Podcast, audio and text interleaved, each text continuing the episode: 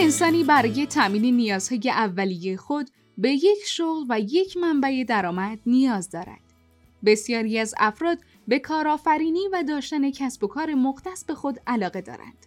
اما در ابتدا پولی برای سرمایه گذاری یا ایده متفاوت که به آنها جسارت ریسک کردن بدهد ندارند. برای این افراد شروع یک کسب و کار کوچک می تواند ریسک کمتری به دنبال داشته و درصد موفقیت بیشتری ایجاد کند. دردسرهای مدیریتی، حقوق کارمندان و تمام هزینه های کسب و کارهای بزرگ از دلایل قانع کننده است که راه اندازی یک کسب و کار کوچک آسان باشد. در اینجا به شما کمک می کنیم که با چندین ایده متفاوت و سرمایه گذاری کم چه کارهایی را می توانید انجام دهید. تابلوهای چوبی چوب از سالهای گذشته تا به امروز به عنوان متریالی پرطرفدار جهت خلق علایم و تابلوهای مختلف به کار رفته است. تنوع زیاد در چوبها از نظر جنس و رنگ باعث شده محصولات چوبی زیادی تولید و استفاده شود.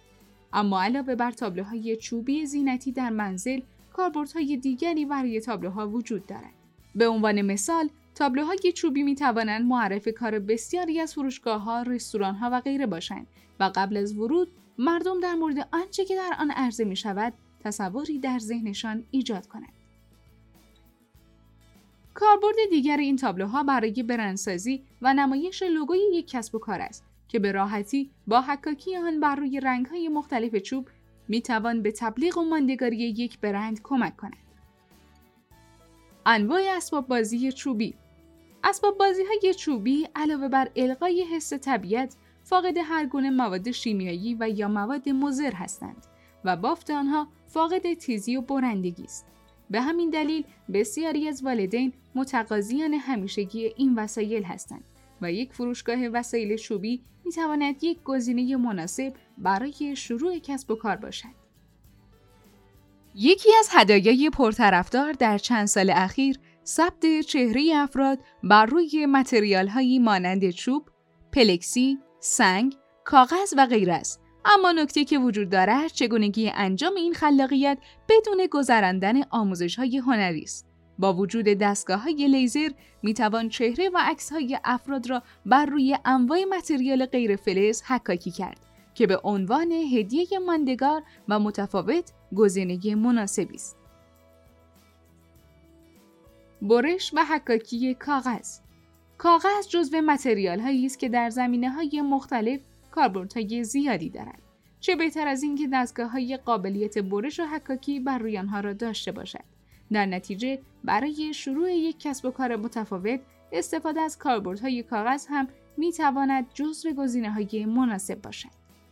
ماکت های دانشگاهی دانشجویان برخی از رشته ها در طول تحصیل با ساخت مدل های مختلفی از ماکت سر و کار دارند. مثلا ماکت سازی بخش مهمی از رشته های معماری و شاخه های مربوط به آن است و دانشجویان این رشته از متقاضیان همیشگی ماکت ها هستند.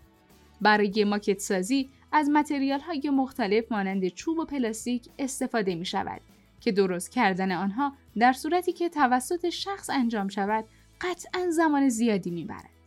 در صورتی که دستگاه های لیزر در حد دقیقل زمان و کیفیت بالا بهترین روش برای تولید این محصولات هستند. عروسک های پارچه ای در دنیای هنر در کنار علاقه و استعداد خلاقیت نیز نقش مهمی دارد. یکی از کارهای هنری جذاب ساخت عروسک های پارچه است که گاهی با استفاده از ساده ترین طرحها و کمی خلاقیت انواع خاص و متفاوتی از آنها تولید می شود. در حال حاضر علاوه بر کودکان حتی بزرگسالان هم جزو خریداران این عروسک ها هستند. همین امر باعث شده عروسک سازی به شغلی پرطرفدار تبدیل شود.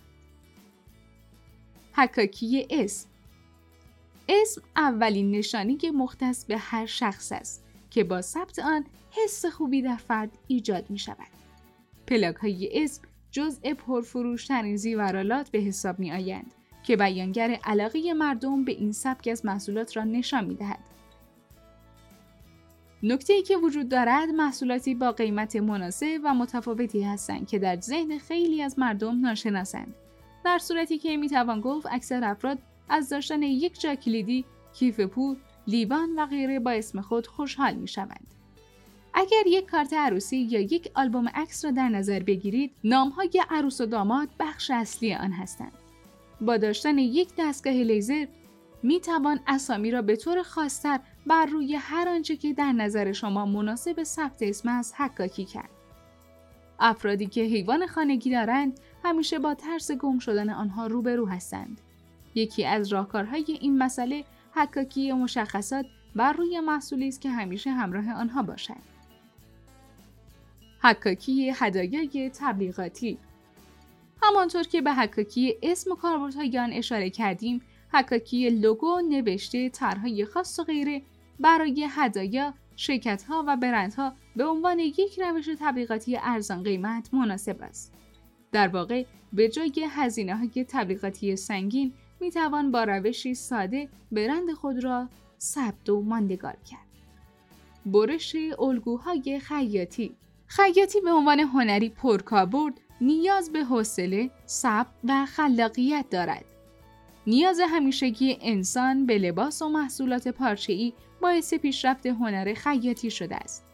یکی از دقدقه های صاحبان کسب و کار یا حتی کارگاه های کوچک به موقع تحویل دادن سفارشات است.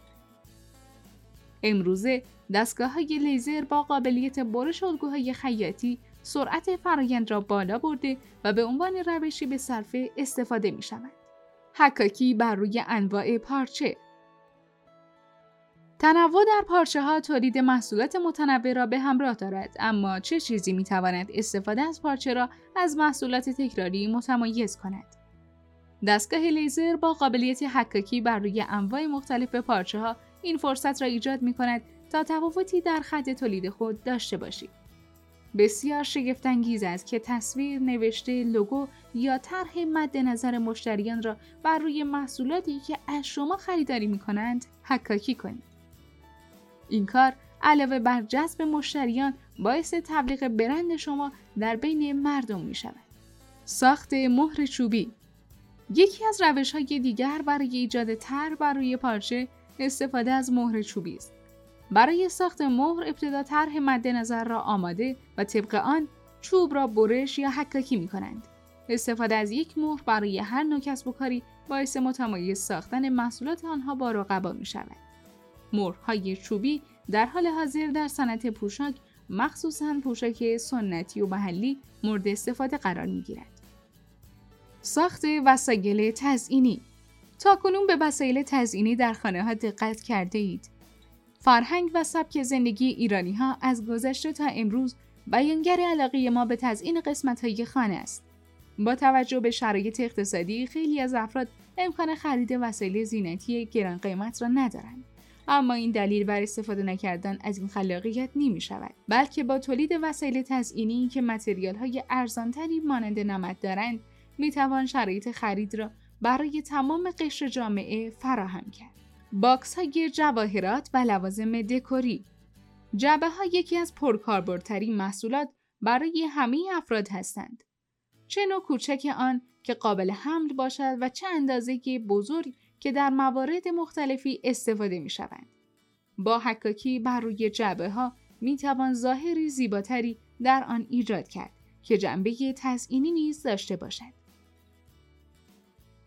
حکاکی روی اجسام مدور شیشه‌ای و آینه یکی از هنرهای زیبا با قدمت زیاد حکاکی بر روی اجسام شیشه‌ای و آینه است. در گذشته حکاکی با دست یا مواد اسیدی انجام می گرفت.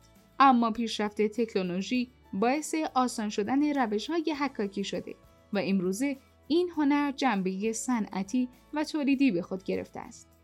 با استفاده از هنر حکاکی لیزری می توان بر روی تمام شیشه ها و آینه ها از جمله لیوان ها، بطری ها، گلدان ها، ظروف دکوراتیو، پنجره ها و غیره طراحی های تبلیغاتی را انجام داد و لوگوی شرکت های مختلف را ایجاد کرد. حکاکی سنگ های زینتی حکاکی سنگ به معنی کندکاری سطح آن و ایجاد نقش های متفاوت بر روی آن است. به طور کلی سنگ ها علاوه بر جنبه کاربردی جنبه زینتی هم دارند و بسیاری از مردم طرفدار استفاده از سنگهای زینتی در زیورالات خود هستند. در حال حاضر حکاکی روی سنگ به دلیل بازده اقتصادی بالا و امکان ایجاد کارآفرینی و اشتغال با سرعت زیادی در حال گسترش است. در نتیجه ورود به این بازار سوددهی شما در همان ابتدا را تضمین می کند. مواردی که گفته شد چند نمونه از کاربردهای دستگاه لیزر بود. اما فراموش نکنید که با کمی خلاقیت می‌تونید جهت تولید محصولات خاص که همکنون موجود نیستند از تکنولوژی لیزری استفاده کنید. نکته که باید مطرح شود تنوع دستگاه های لیزر از نظر اندازه آنهاست به طوری که بسیاری از مشتریان در خانه و با محیط خیلی کوچک کسب و کار خود را شروع و در آن پیشرفت کردند.